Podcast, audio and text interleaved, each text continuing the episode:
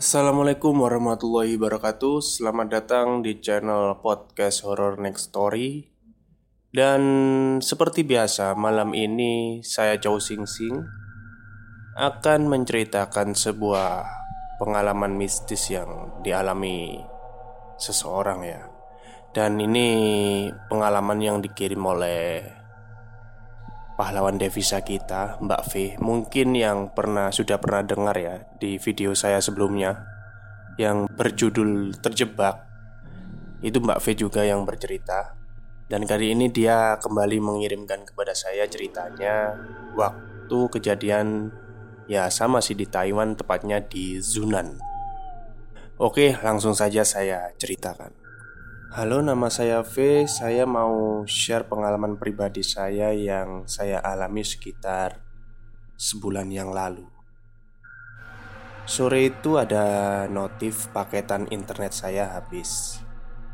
Lalu saya segera meminta izin ke bos untuk keluar sebentar membeli paketan internet. Setelah diizinkan, saya pun menuju counter langganan saya yang berlokasi di pertokoan di sekitar stasiun Zunan. Setelah selesai membeli, ketika hendak pulang, tiba-tiba saya merasa ingin buang air kecil.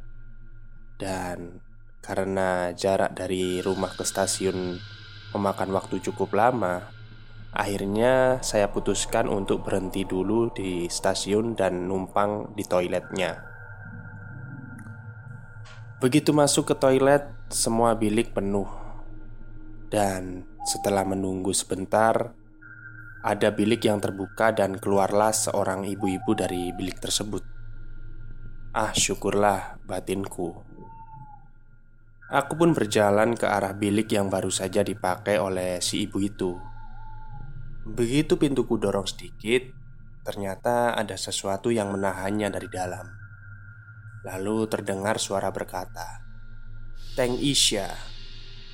Yang dalam bahasa Indonesia berarti tunggu dulu. Otomatis spontan aku berkata, "Ups, sorry," sambil aku menarik pintunya agar tertutup rapat. Wah, ternyata ada orang di dalam, pikirku. Aku pun mengantri lagi berharap ada bilik lain yang sudah selesai digunakan. Dan si ibu yang keluar tadi sudah selesai mencuci tangannya. Dia melihatku yang berdiri di depan bilik toilet yang dia pakai tadi. Lalu dia bertanya Loh Mei, kok belum masuk?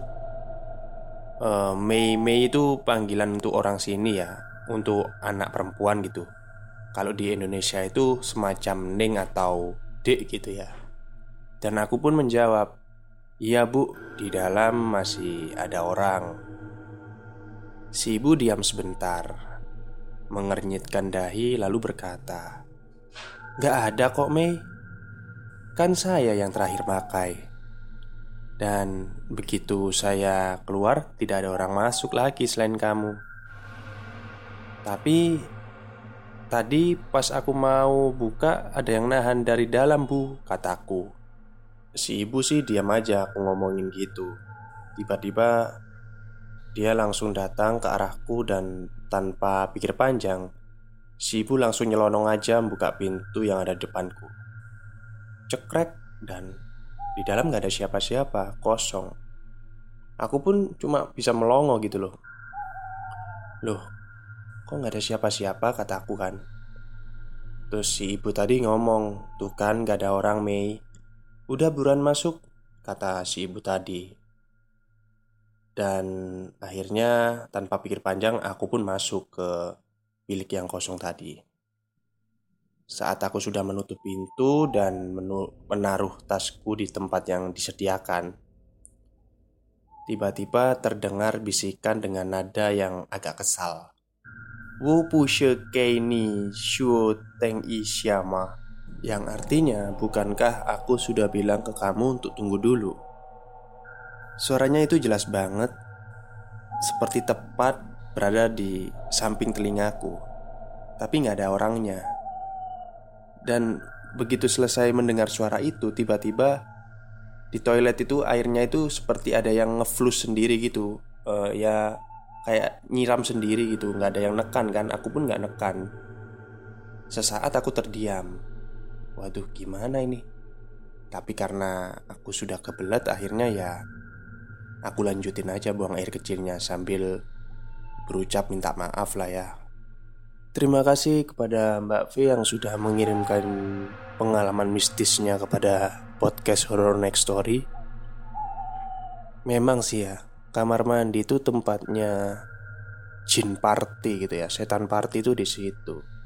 Makanya kadang-kadang itu kita kalau nggak jaga kebersihan, terus nggak sopan gitu mungkin bisa aja digodain gitu ya.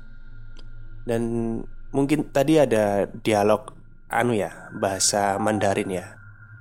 Saya mohon maaf ya bila apa itu bahasanya agak kacau soalnya saya dulu pernah les bahasa Korea ya mungkin nggak jauh-jauh beda lah sama bahasa Mandarin Oke, terima kasih kepada semua yang mendengarkan podcast saya malam ini dan Semoga Anda terhibur. Selamat malam dan selamat beristirahat.